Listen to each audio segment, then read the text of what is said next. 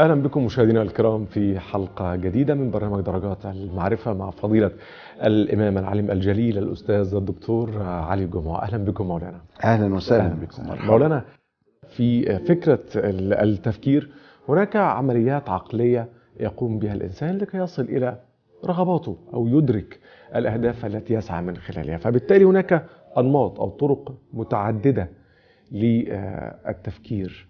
هل ممكن نستعرض بعض من هذه الأنماط؟ بسم الله الرحمن الرحيم. الحمد لله والصلاة والسلام على سيدنا رسول الله وآله وصحبه ومن والاه.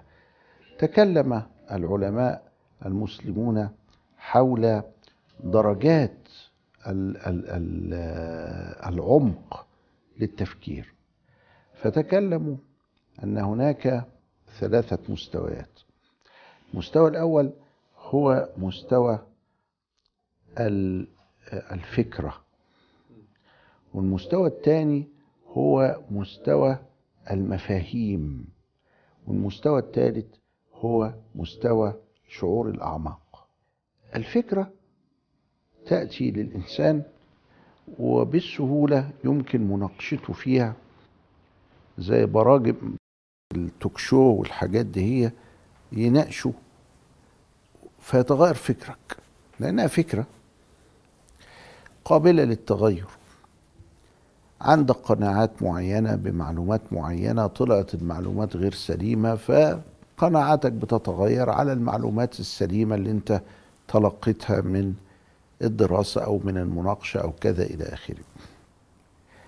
لكن الفكرة عندما تستمر زمنا ما وتتصل بمجموعة من التصرفات الحياتية فتصير مفهوما راسخا في النفس.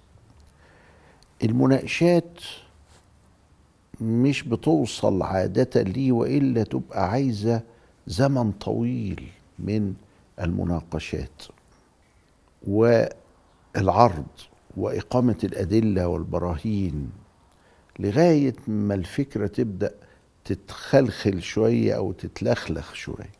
لكن شعور الأعماق بقى ممكن جدا تقول له خلاص أنا اقتنعت وما تعملوش. فإذا هناك فكرة ومفهوم وشعور أعمق. ده أول ترتيب هيوصلنا إلى أنماط التفكير المختلفة كما سنرى الآن. الثلاث مستويات دول الفكرة والمفهوم وشعور الأعماق أضرب لك ليهم مثل وهو الأحداث وأسبابها. الدولار ارتفع. طب ارتفع ليه؟ أهي دي أفكار. ممكن جدا واحد يقعد يقنعك إنه ارتفع آه لزيادة الطلب عليه أو لسياسات آه آه الدولة. أو لأنه ارتفع في العالم كله أو كذا وكذا إلى آخره وأنت طبقا لكم معلوماتك وتجربتك بتقرر إنك تسيب الفكرة اللي معاك ولا تعمل. أهو ده حدث وفكرة لكن يعني ما تمثلش عندك في حياتك أهمية يعني بالغ لكن لما ننتقل إلى عالم المفاهيم فأعلى أنواع وأعمق أنواع المفاهيم الدين. فواحد جاي بيقول لك ده ما فيش مسجد أقصى. ده المسجد الأقصى ده ده وهم. أو المسجد الأقصى ده ما كانش موجود في القدس. ده في حتة تانية خالص. ده في حتة تانية. أيوة. فالمستمع يفهم ده مفهوم. أنا دركت عليه طول عمري عندي كده من غير أدلة ومن غير أي حاجة. فما يرضاش يطوع ويبدأ يسخر منه ويعمل عليه نكت. ليه؟ لأنه مس مفهوما مش فكرة. عارف لو كان مس فكرة كانت تبقى قابلة للنقاش. لكن لما مس مفهوم راسخ. ما ينفع. المفهوم أرسخ اذا من الفكرة يا مولانا طبعا أرسخ وأعمق من الفكر. أيوه. افرض ان إحنا فضلنا نهت ون ون ونعيد ونزيد في المسألة دي لغاية ما غيرناها في ذهن واحد أو اتنين أو تلاتة أو أربعة أو كذا إلى آخره. هتتغير. ما هي اتغيرت أهي عند الأستاذ الفلاني ولا الدكتور الفلاني ولا الكاتب الفلاني. ما اتغيرت أهي فعلا. يبقى المفهوم قابل لإيه؟ للتغيير. لكنه صع- صعب صعب جدا إن أنت تكلم الناس في مفهوم مستقر وراسخ وتريد أن تغيره. تعال لي بقى في شعور الأعماق. شعور الأعماق ده عامل زي إيه؟ زي الملابس. أنا بطلع بالملابس بتاعتي كده. فواحد جه عايز يقنعني إن أنا أطلع عاريا. ما أقدرش. حتى لو بين ليا بكل ما يستطيع من دجل وتلبيس وتدليس اني ان إن ال- ال- الحركة دي نافعة أو كذا إلى آخره. ما أقدرش. مش قادر. شعور الأعماق أثبت وأعمق وأكثر استقرارا من المفاهيم. ولذلك ما تلاقيش الناس ها زي الواد بتاع ال- الحجاج الصغير كده بيقول له أمعك شيء من القرآن؟ قال له آه. إذا جاء نصر الله والفتح ورأيت الناس يخرجون من دين الله أفواجا. قال له يا قد يدخلون في دين الله أفواجا. قال له ده كان على أيام النبي لكن على أيامك أنت بيخرجوا. طب ليه الناس مش بتخرج من دين الله أفواجا؟ لأنه شعور أعماق. لأنه عندهم الدين في شعور الأعماق. ولذلك ما تعرفش تغير دين واحد إلا بعد قامتك لكلام كتير وأدلة كثيرة علشان يحصل هذا النوع من أنواع التخلي عن شعور الأعماق. النهارده في المدارس الحديثة وكذا إلى آخره بيدعونا إلى سقوط عمود النسب من الحاجات اللي هي يعني النيو ايج دول أو العصر الحديث إيه سقوط آه، النسب ده؟ يعني واحد يتجوز عمته أمه بنته ما فيش مانع يعني. الله. أنتوا اتجنيتوا ده ال ده ال ده ال الاجتماع البشري. ينهار الله. أنتوا جايبينها منين دي يا عمته؟ قال من عند ربنا. قال طب ما إحنا قلنا ما فيش ربنا. أساسا هو عقله. ما وصلش بيه المرحله ما, يعني. ما تسيبونا بقى من عمود النسب ده. فما طبعا الناس تسمع كده تضحك؟ تقول لك الله ده اتجنن. ليه؟ لأنه شعور أعماق. يبقى اذا أنا عندي مفهوم آه، بتاع فكرة وعندي أعمق منها وأرسخ مفهوم وعندي أعمق منها وأرسخ إيه بقى؟ آه، آه، الشعور. شعور الأعماق. شعور الأعماق. ده يجرنا إلى يعني زي ما بيقولوا إيه؟ التفكير في درجاته الثلاث فهل عندك وقت آه ولا بعد- وقت. ولا لا لا بعد عندي الفاصل؟ عندي ممكن دقيقتين كمان معاك دقيقتين كمان نقول إن في تفكير سطحي مم. ده أول بداية خلاص ده, ده اللي- بداية البداية. التفكير آه ده التفكير اللي ال- السطحي ده اللي بعده التفكير العميق اللي بعد التفكير العميق التفكير المستنير. يبقى التفكير برضو على ثلاث إيه؟ المستويات على ثلاث. مستويات. إيه التفكير السطحي ده؟ ضرب لك مثال. إن أنا شايف ورقة الشجرة لونها خضر والصبح كده عليها نداوة كده حلوة اسمه الندى كده يعني قطرة ماء كده بتنزل لطيفة في أمانة الله. ده عبارة عن إدراك سطحي للمسألة. إني شفت الورقة وعرفت إنها خضرة ومندية وفيها كده حياة وكذا إلى آخره. التفكير العميق إن أنا أخدها وأشوف فيها وأعرف عنها قضية التمثيل الضوئي. إنها بيحصل فيها تفاعلات وعمليات وإن هذه العمليات بتجعل الوردة ولا النبات ده آه، بيطلع آه، ثاني أكسيد الكربون ثاني أكسيد. الكربون بالليل وبيخلي في النهار بيطلع أكسجين. وإنه ده اللي بيخلي الحدائق بتخلي فيه هواء نقي وكذا إلى آخره. أكسجين بالنهار وثاني أكسيد بالليل. وأعرف الخلية والسليولوز وال- والنواة ومش عارف إيه تحت المجهر. العميق بقى اللي هو تخصص وتعمق في الفكرة. آه. وليس على ظاهرها فقط. مش على ظاهرها بس. أعرف إن المية مكونة من غازين هيدروجين وأكسجين. وبعدين أعرف إن الهيدروجين ده بيشتعل وإن الأكسجين ده بيساعد على الاشتعال. أهو ده تفكير عميق. تفكير بقى المستنير إنه بعد كده يقول سبحان الله أهو ده التفكير المستنير. اللي هو أرسل العقل إلى القلب فالقلب بقت ليه بصيرة فانبهر فوحد الله وعبده ده التفكير المستنير. ده المستنير. سطحي ثم عميق ثم مستنير.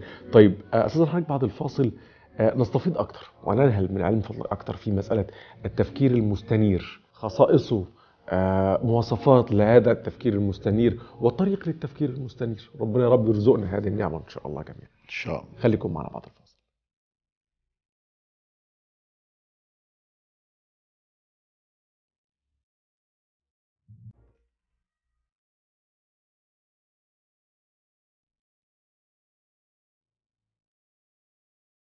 أهلا بحضراتكم مرة أخرى.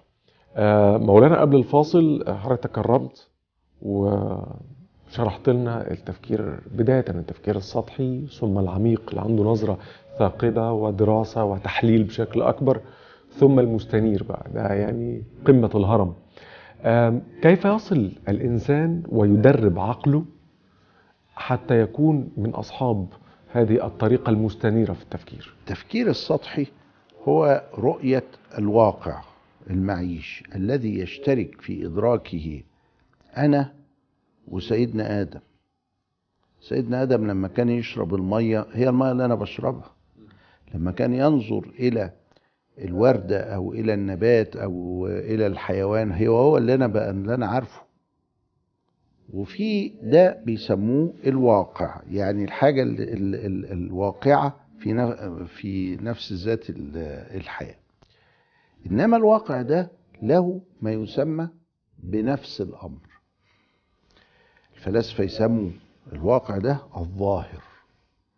وبعدين الظاهر ده له حقيقة.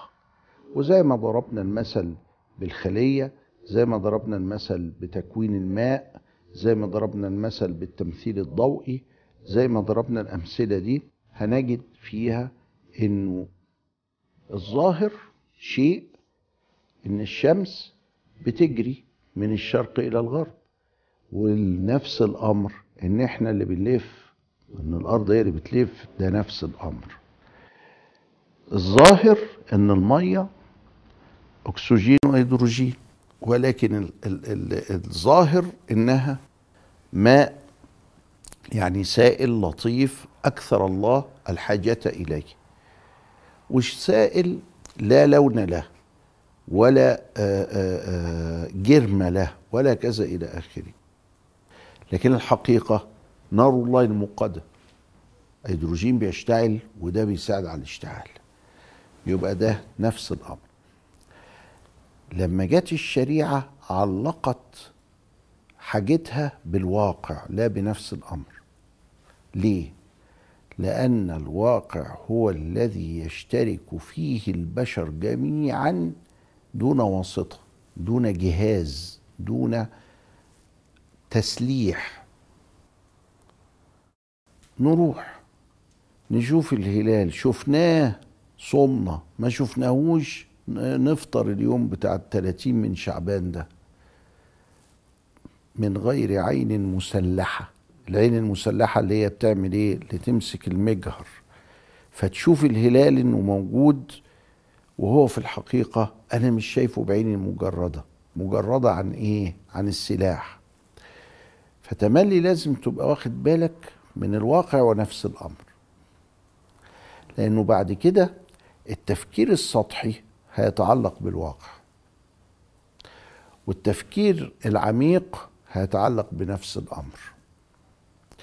وهنجد إن نفس الأمر ده الشريعة ما بتنكروش لكن مش بتعلق عليها أحكام وإلا هتكلفني ما لا أطيق. الشريعة بتقره لأن واقع خلق الله كده. هو الذي خلق الماء على هذه الصفة وهو الذي خلق النبات على هذه الصفة وهو الذي خلق الشمس على هذه الصفة وهكذا. ولكن هو كلفني بالصلاة حسب جريان الشمس في ظاهر العين في السماء. أول ما تيجي في النص وتعمل كده اهو يبقى أذن الظهر تعمل كده اهو كده يبقى أذن العصر تغرب يبقى أذن المغرب ويفطر الصايم تعمل من هنا على الدرجة كذا يبقى أذن الفجر وامتنع ال- الإنسان عن الطعام إلى آخره. على الحركة الظاهرية مش على الحركة الحقيقية ليها. يبقى ده التفكير. السطحي والتفكير العميق متعلق بالواقع وبنفس الأمر. تعال لي بقى ندخل على التفكير المستنير. المستنير ده على طول رحل القلب بقى؟ مم. ها إحنا خلصنا هنا في السطحي والعميق عند حدود العقل. صحيح. وإحنا بنقول لهم لا يا اخوانا ده في درجة تانية أرجوكم ما تهملوهاش من أجل سعادة الدارين هم غبشت عليهم هذه الدرجة الثالثة وهو التفكير المستنير التفكير الذي يطلب النور ويطلب الهداية والهداية لا تكون إلا من عند الله سبحانه وتعالى. كيف بقى نصل إلى التفكير المستقيم مستنير؟ ذلك بأن العقل بيعطي للقلب الإحداثيات فالقلب يربط بين تلك المعلومات ببصيرته. لما بيعطيه هذه ال- الإحداثيات كلها بيتدبر ويتأمل وقد يتحير العقل فيجيبه القلب فيسكن من حيرته. يعني القلب يا مولانا بيساند العقل في الأمور لكي يصل إلى ال- إلى التفكير المستنير. نعم. هنا دور القلب هنا مع العقل. نعم. دور القلب مع العقل أنه ينير للعقل الطريق. الإنسان بينظر كده. وبعدين لما درسنا العين ودرسنا ال- الضوء من ساعة ابن الهيثم كان عندنا عالم كبير في بتاع ابن الهيثم. وأبحاث ابن الهيثم هي اللي عملت الكاميرا هي اللي خلتهم يتوصلوا لعمل الكاميرا. فبيقول لك ال ال ال ال. أنت عندي دلوقتي في القرنية مقلوب. وبعدين العقل بيعدل الصورة. فأنا شايفك راسك فوق ورجلك تحت وأنت شايفني كده. هل في نوع من أنواع الأمراض والخلل ولو كان نادرا. يمنع تعديل الصورة فأشوف الناس بالمقلوب؟ مفيش طب من الذي منع هذا؟ ده القلب بيجيب العقل العقل بيحتار. يقول إيه ما المانع ما المانع إنه بموجب الضياء وانقلاب الصورة في القرنية أن تظل مقلوبة. وينقطع الصلة ما بين تعديل العقل لها والواقع. من من مانع في هذا يعني؟ لا إجابة. وده اللي بيسموه حائط القدر إنه بيصطدموا بحائط القدر. ده الحاجات يا مولانا اللي هنا ما فيهاش دور العقل يعني كنت اسال حضرتك ما هو حلقة العقل هنا احتار. خلاص يعني بيقف في حتة معينة. آه ليه يعني؟ ليه؟ يقول لك إيه؟ أنت دلوقتي خرجت من بيتك. فلما الواحد خرج من بيته سقط عليه طوب آه، قالب طوب وخبط راسه. تمام. طب إحنا عرفنا أهو إن خروجك زائد سقوط ده أدى لنتيجة. وعلى فكرة عارفين الحجر ده سقط منين وبسرعة قد إيه سموها العجلة. بسرعة قد إيه؟ لغاية ما خبط الراس فعوره كله ده عارفينه. بس اللي مش عارفينه هو ليه ده جه مع ده؟ يعني لماذا جت اللحظة دي مع اللحظة دي؟ نقطة فيقول الالتقاء فيقول لك دي أسباب غير فلسفية. دي أسباب غير رياضية. دي أو هو إحنا بقى القلب على طول بيدخل هنا في الأسباب غير الفلسفية غير الرياضية غير المنطقية غير ال- المعقول. ليه طيب الصورة ما ما بتفضلش كده؟ ويكون هناك مرض اسمه مرض الانقلاب. ومرض الانقلاب أشوف الناس بالمقلوب. ما فيش حاجة زي كده. عندنا مرض اسمه عمى ألوان. نشوف الألوان مختلفة. عندنا مرض العمى. ما نشوفش حاجة أصلا. عندنا عندنا عندنا وما عندناش ده. لماذا؟ قس على هذا أن آلاف الأسئلة عندما يتعمق الإنسان في العلم يجدها ويجد أنها لم تحل بعد أو إنها ملهاش إجابة.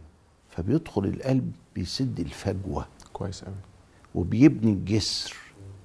وبيطمن. إنه بكلمة إيه بقى ده كله ده؟ سبحان الله. الكلمة دي هي اللي بقى.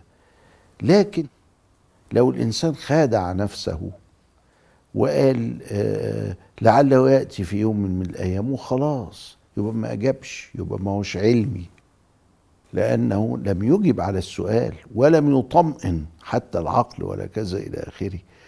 إنما سبحان الله أقرت بالحقيقة العليا ال- اللي شكلها كده. نيجي أدي لسيادتك مثال آخر وهو نظرية الاحتمالات. نظرية الاحتمالات دي بتقول لك خلي عندك كيس فيه كور والكور دي مكتوب عليها من واحد لغاية عشرة.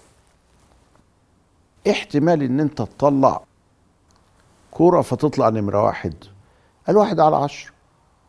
قال طب احتمال إن أنت تطلع كورة نمرة واحد وبعديها كورة نمرة اتنين. قال ده احتمال من تسعين احتمال. واحد على عشرة في واحد على تسعة. يبقى واحد على تسعين. قال له طب واحد واثنين وثلاثة قال ده احتمال واحد واثنين وثلاثة ده يبقى تسعين في ثمانية يبقى ب 720 يعني لو عملت 720 محاولة تطلع الواحد اتنين تلاتة. مرة واحدة. قال طيب تعالى بقى في الكون وقول لي مين اللي خلى القمر في هذا المكان لو بعد يعمل المد والجزر ولو قرب يغرق الدنيا لو الشمس قربت احترقنا ولو بعدت اتجمدنا وهكذا. أنا عايز أعرف عدد الاحتمالات. فرجل ألف العلم يدعو إلى الإيمان بالفرنسيه وترجم إلى العربيه بيقول ده ده معناته إنه واحد على ما لا نهاية اللي بيقول عليها أهل الرياضة صفر. هذا الكون احتمال كونه بلا إله وبلا خالق صفر. مش ممكن. مش ممكن يكون هذا. فيبدأ القلب في التحرك.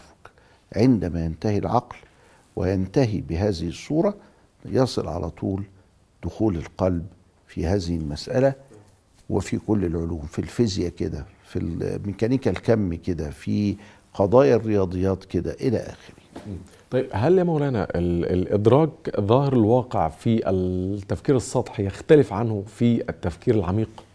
يعني هل هل ظاهر الأمر إدراك ظا- ظاهر الأمور أنا شايفها بهذا الشكل، هل هيختلف لما بكون بفكر بطريقة سطحية أو بطريقة معمقة؟ هو الظاهر له درجات يقول لك مثلا أنت واقف عند كوبري الجامعة في عند القصر العيني كده. وانت شايف قبة قبة الجامعة صغيرة. تمام. كل ما تقرب كل ما بتكبر. وكله ده في الظاهر فقط. لسه ما دخلناش في العميق. إحنا بس في الظاهر فقط آه، ما حللتش فقط. ما, حللتش ده سبب. لا حللت ولا عرفت هي القبة دي من خرسانة ولا من خشب آه، بغدادلي ولا أي حاجة. أنا يا دوبك ماشي من عند القصر يعني من عند مسجد صلاح الدين كل ما قرب كل ما القبة بتكبر. فده اسمه الظاهر. ال- الحقيقة بتاعته إيه؟ الحقيقة الحقيقة إن القبة دي أكبر مني. لكن أنا من هناك بعيد شايفها أصغر مني. ما بين صباعين كده. آه ما بين البتاع كده أهو. فيبقى اذا الظاهر له تجليات مختلفة. شوف إزاي. الظاهر له تجليات مختلفة. ومن أجل هذه التجليات المختلفة للظاهر فقط حدثت في دراسات عن نفسيات الشعوب. لما تروح جنوب شرق آسيا تلاقيها كلها خضرة كل حتة. وانت واقف في أي حتة الدنيا خضرة ومقفولة. إيه اللي جوه؟ ما تعرفش. فيه جوه في عمق غابة بقى فيها تعبان ولا فيها بشر ولا فيها كذا؟ ما حدش يعرف. محدش يعرف. ككل. فتكونت النفسية لقبول الغيب. في دراسات كده واخد بالك؟ يقول لك الإنجليز محصورين في بين بحار فحصل عندهم نفسية الصياد. اليونان ضيقت البتاع بتاعه شوية فتلاقي فيه بخل شوية في التصرفات. ده كده نفسيات الشعوب. نفسيات الشعوب دي جاية من البيئة اللي هو من الظاهر يعني من الظاهر فقط. فالظاهر له تجليات وهذه التجليات لها إدراكات ما بين ده وما بين ده ما بين السطحي والعميق بارك الله فيكم مولانا. أهلا شكرا وسهلا جزيلا لحضرتك مرحبا. شكرا جزيلا. وشكرا موصول لحضراتكم. نراكم في حلقة الغد إن شاء الله. إلى اللقاء.